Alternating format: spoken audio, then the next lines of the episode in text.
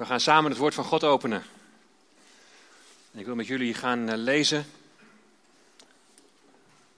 Wederom uit Handelingen. We zijn op reis door Handelingen heen. En we zijn nu gebleven bij Handelingen hoofdstuk 14. Van deze de eerste zeven versen en dan ook vers 19 en 20. En het thema is innerlijk verdeeld. Ik ga even een slok water pakken. Ja, die was voor mij.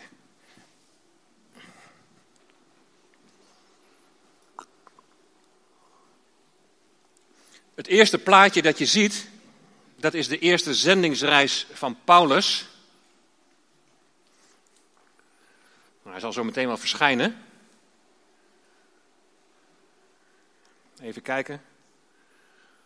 Daar komt hij aan. En dan de volgende.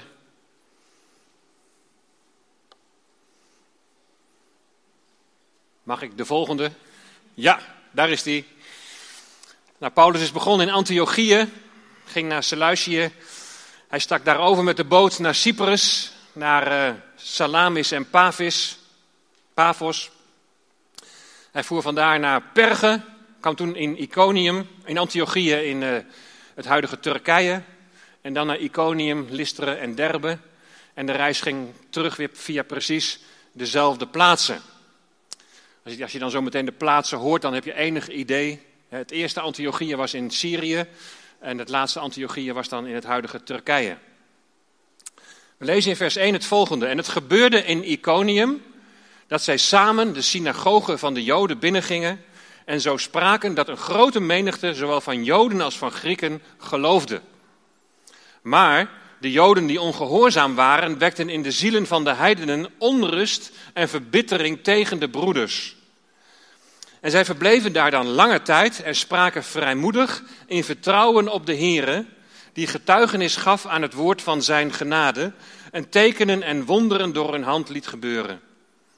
En de bevolking van de stad raakte verdeeld. Sommigen waren voor de Joden en anderen voor de apostelen.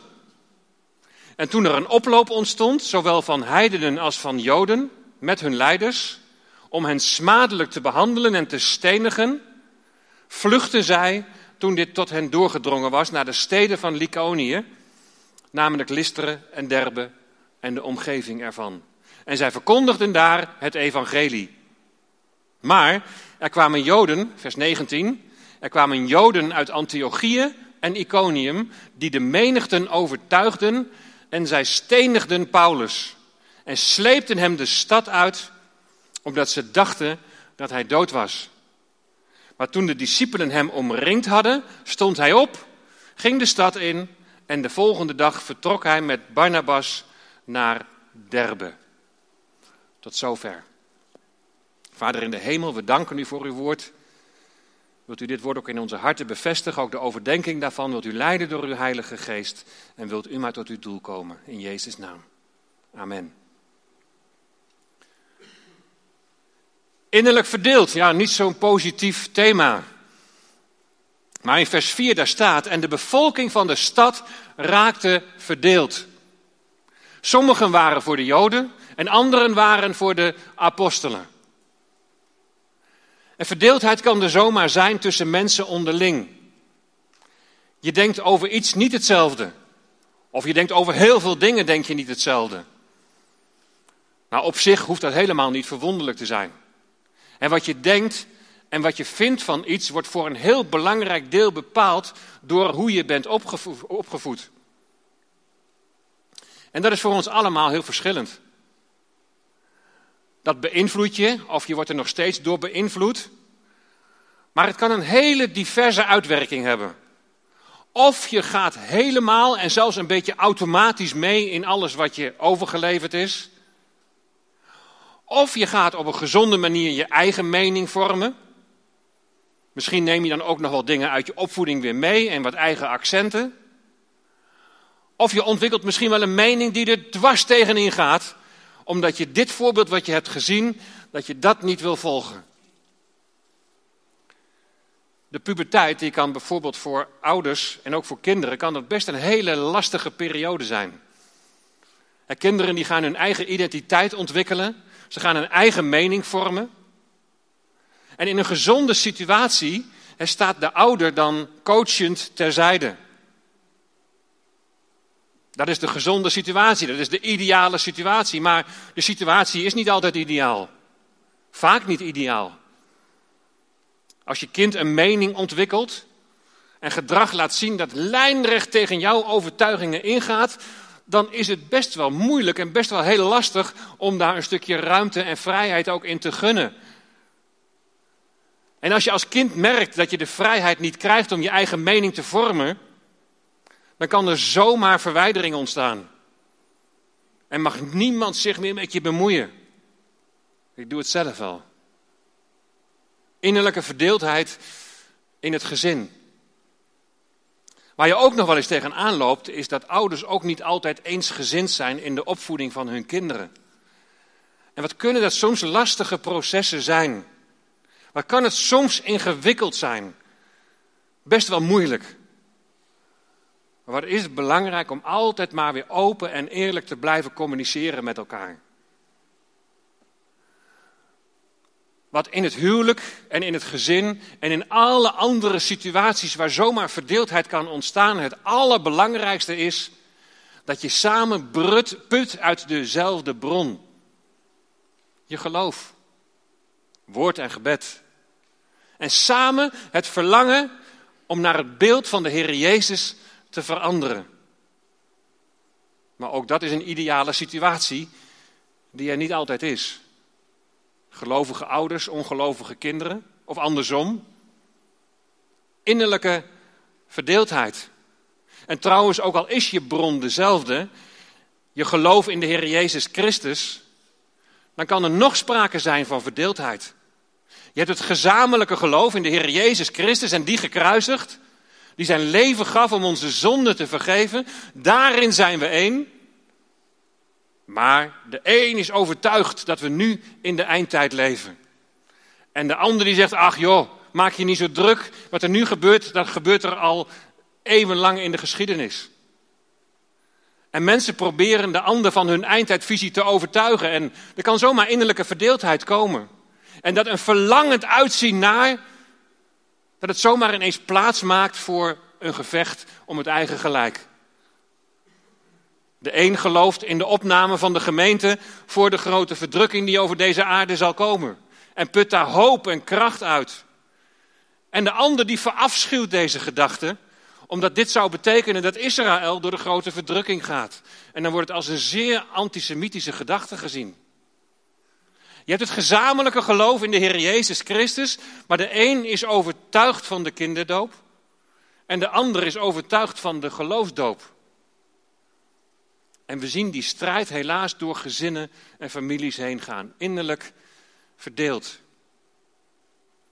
En er zijn situaties dat het niet blijft bij een verschil van mening dat wordt geaccepteerd en, en gerespecteerd. Het kan zomaar tot verwijdering leiden. Er kan zomaar een stuk verbittering ontstaan. Ouders die, die diep teleurgesteld zijn. Heb ik het dan niet goed gedaan? Gooi je dan zomaar weg wat je in je opvoeding hebt meegekregen? En kinderen hebben, hebben de overtuiging door de geloofsdoop God gehoorzaam te zijn, maar ervaren strijd door, negatieve reacties. Het gebeurt ook andersom, dat ouders tot de overtuiging van de geloofsdoop komen en dat kinderen het niet meer kunnen volgen. Wat gebeurt hier in ons gezin? Het zijn allemaal niet onbelangrijke verschillen, maar moet dat tot verwijdering leiden, tot, tot innerlijke verdeeldheid? Hoe ga je ermee om? Aan de hand van de eerste zendingsreis van Paulus, waarover we net hebben gelezen, wil ik daar bij jullie bij stilstaan. De vorige keer waren Paulus en Barnabas waren in Antiochië. En ze krijgen daar dan in de synagoge, daar krijgen ze het woord en dan, dan, dan verkondigen ze het evangelie. In die synagoge komen uiteraard Joden, maar daar komen ook godvrezende heidenen, niet Joden. En er waren Joden die positief reageerden op hun boodschap, maar vooral de heidenen die drongen erop aan dat hij de volgende sabbat weer dezelfde boodschap zou brengen. Toen echter de Joden de volgende sabbat de menigte zagen, werden ze jaloers. En ze beginnen Paulus en Barnabas tegen te spreken en ze spreken zelfs kwaad over hen. jaloezie. Het is een wrok die je koestert omdat je de ander niet gunt wat je zelf eigenlijk graag zou willen hebben. Jaloezie komt vaak voort uit onzekerheid over jezelf. je wilt kunnen wat die ander kan, maar je kunt het niet. En, en je voelt dat je faalt. Je voelt je tekortschieten. Je wilt hetzelfde huis, dezelfde auto of dezelfde luxe vakantie als die ander. Maar je inkomen is daar gewoon niet naar. Het geeft het gevoel dat je faalt en je kunt niet verdragen dat die ander dat alles wel heeft. Als jij preekt, dan is er steeds weer datzelfde kleine groepje mensen. Of tegenwoordig zou je zeggen, dan zijn er slechts zoveel weergaven op YouTube. En nu komt die vreemdeling, hij heeft nog maar één keer gesproken. En het gebouw is te klein. En de weergaven op YouTube die springen omhoog. En dat is een beetje wat hier gebeurt. Er wordt met argusogen wordt gekeken naar het tussen aanhalingstekens succes van die ander. En het wordt niet verdragen. En die eerste keer dat Paulus het woord kreeg daar in de synagoge, daar had hij juist benadrukt om bij de genade van God te blijven. En weet je, genade, dat is onverdiende gunst. Als je leeft uit genade, dan ligt de nadruk niet op jezelf, wat jij kunt of wat je niet kunt. De nadruk ligt niet op wat jij hebt of wat je niet hebt, of wat jij vindt. Bij genade ligt de nadruk op Christus en wat je in Hem hebt ontvangen. Dan gaat het niet meer over kunnen of hebben of vinden, maar dan gaat het over zijn. Zijn in Hem. Het zijn in Hem die jou onvoorwaardelijk lief heeft. Gods genade laat je zien dat je Christus nodig hebt om verlost te worden van dat eigenzinnige ik. Bevrijd te worden van een leven dat op jezelf gericht is en voortdurend in competitie is met die ander. Christus navolgen betekent niet meer ik, maar Christus leeft in mij. Je leert dat je zelf niets hebt verdiend. Dat je vanuit jezelf niets kunt, maar dat alles, maar ook echt alles, genade is. Dan is er geen competitie, maar dan is het daar het verlangen om samen te buigen voor die Allerhoogste, om Zijn wil te ontdekken. Aangezien jullie dit woord van genade verwerpen, zegt Paulus tegen die groep Joden, die het evangelie naast zich neerleggen, wenden we ons nu tot de heidenen. En ze worden dan door de Joden uit het gebied verdreven en komen, komen zo in Iconium terecht, waar we net over hebben gelezen. En ook daar gaan ze volgens het gebruik weer eerst naar de synagoge, want het is eerst de Jood en dan de Griek. En een grote menigte van zowel Joden als, als Grieken, die zeggen amen op de verkondiging die ze horen. Maar dan zie je ook daar de verdeeldheid. Met name onder de Joden. Er zijn er die tot geloof komen in Jezus de Messias. En er zijn er die ongehoorzaam zijn, lezen we in vers 2.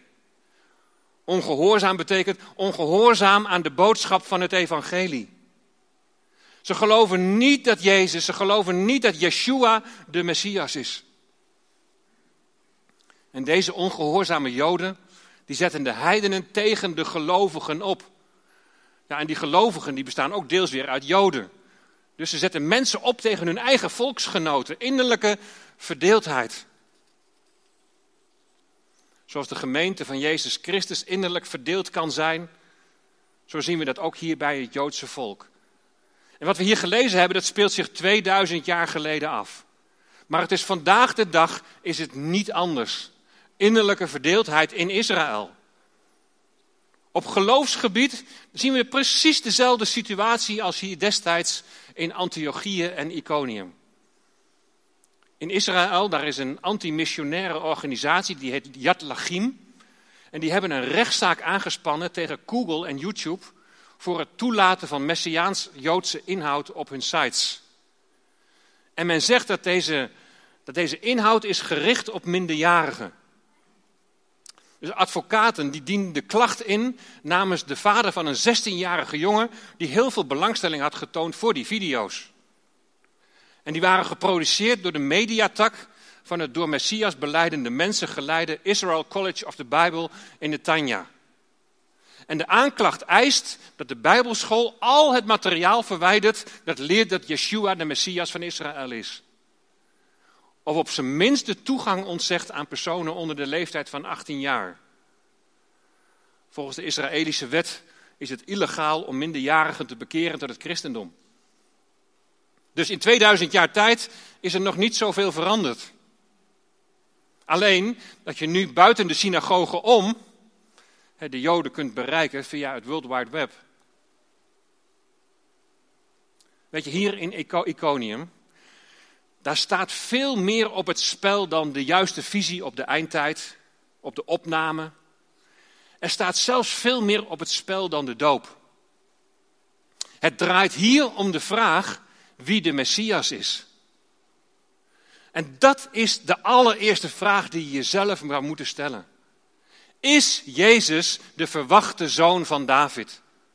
Heeft hij verzoening gebracht voor het volk door te sterven aan een kruis? Is Jezus, is Yeshua, is hij het die opgestaan is uit de dood? En zal hij door ons geloof in hem ons ook doen opstaan uit de dood en toegang geven tot God de Vader? Als hij het niet is, dan zijn Paulus en Barnabas godslasteraars. Als hij het wel is en je negeert dat, dan heeft dat grote gevolgen. In Antiochieën, je leest dat in Handelingen 13, vers 46, daar stellen Paulus en Barnabas het verwerpen dat Jezus de Messias is, stellen ze gelijk aan je het eeuwige leven niet waard oordelen. Het eeuwige leven, het verzoend worden met God staat op het spel. Ondanks dat mensen tegen hun worden opgezet, geven Paulus en Barnabas niet op om deze blijde boodschap te verkondigen. Het gaat immers om leven en dood. Zij verbleven daar dan lange tijd en spraken vrijmoedig in vertrouwen op de Heer, die getuigenis gaf aan het woord van zijn genade en tekenen en wonderen door hun hand liet gebeuren. Ze geven niet op. En ze zijn niet zieltjes aan het winnen om voor zichzelf een zo grote mogelijke aanhang te creëren. Het is geen competitie. Ze zijn niet bezig voor hun eigen gelijk. Ze willen zielen terugbrengen bij het vaderhart van God. Dat deze religieuze mensen, deze religieuze Joden, dat ze mogen gaan ontdekken dat God op zoek is naar hen. En God verlangt naar relatie. En het is logisch dat er dan strijd ontstaat. De tegenpartij, de duivel, zit niet stil. En hij vindt het fantastisch als religieuze mensen zich verliezen in allerlei discussies die mensen weghouden bij waar het werkelijk in de kern om gaat. Hij vindt het geweldig als mensen het opgeven om het evangelie te delen. Zolang mensen zich niet bekeren tot de levende God door geloof in de Heer Jezus Christus, behoren ze Hem nog toe. Het gaat om leven en dood innerlijk verdeeld. En misschien zit je hier of ergens anders of kijk je mee. En moet je misschien, wat jezelf betreft, wel concluderen: ik ben, ik ben innerlijk verdeeld. Aan de ene kant trekt dat geloof misschien wel. Misschien ben je er wel mee opgevoed. Maar tegelijkertijd schuif je toch aan de kant. En toch laat het je ook weer niet los. Innerlijk verdeeld. Wat Iconium betreft zie je dat de bevolking van de stad verdeeld raakte. Sommigen waren voor de Joden, best wel religieus, maar ze erkennen niet dat Jezus de Messias is. En anderen voor de apostelen. Als je aan de kant van de apostelen staat en je gelooft dat Jezus de Messias is, je gelooft dat Hij aan het kruis is gestorven om jouw zonde te vergeven. Je gelooft dat Hij is opgestaan uit de dood en dat Hij alleen de toegang is tot God de Vader. Dan ben je gered. En dan ben je één geworden met Zijn dood en met Zijn opstanding. En dan zul je straks in eeuwigheid bij Hem zijn. Maar je staat wel aan de kant van de minderheid. In jou maakt de geest als je tot geloof gekomen bent, maakt de geest in jou het verlangen wakker om naar Gods wil te gaan leven. De geest wakkert in jou een verlangen aan om aan God gehoorzaam te zijn en te doen wat Hij zegt en wat Hij heeft geopenbaard in zijn woord. En dan zul je gaan ervaren dat je regelmatig tegen de stroom inroeit. En mensen zullen je niet meer begrijpen. Ze zullen jouw overtuigingen en jouw meningen over van alles wat er in deze wereld gebeurt, zullen ze veelal niet kunnen waarderen. En dan druk ik het nog zachtjes uit. De tegenstand tegen Paulus en Barnabas is wel heel extreem. Paulus vlucht weg, namelijk uit Iconium, omdat ze hem willen stenigen. Maar in Listeren, dan ontkomt hij er niet aan. Met stenen gooien net zolang tot iemand dood is. Afschuwelijk. Paulus wordt weggesleept uit de stad omdat ze dachten dat hij dood was. Als je voor de Heer Jezus kiest, wetende dat Hij eerst voor jou gekozen heeft, als je Hem wilt navolgen, dan kun je ook, ook letterlijk, maar ook in figuurlijke zin, kun je gestenigd worden. Zijn wil doen staat zo op gespannen voet met hoe deze wereld zich ontwikkelt. Juist op gebieden die door God, de door God ingestelde scheppingsorde aantasten. Met Christus gestorven en opgestaan. De dopelingen die laten het zo meteen zien door af te dalen in het watergraf en daaruit weer op te staan. Jullie worden gedoopt in zijn dood, in de dood van Christus. Door het geloof in de Heer Jezus ben je met Hem gekruisigd. Gekruisigd voor aardse verlangens die tegen de wil van God ingaan.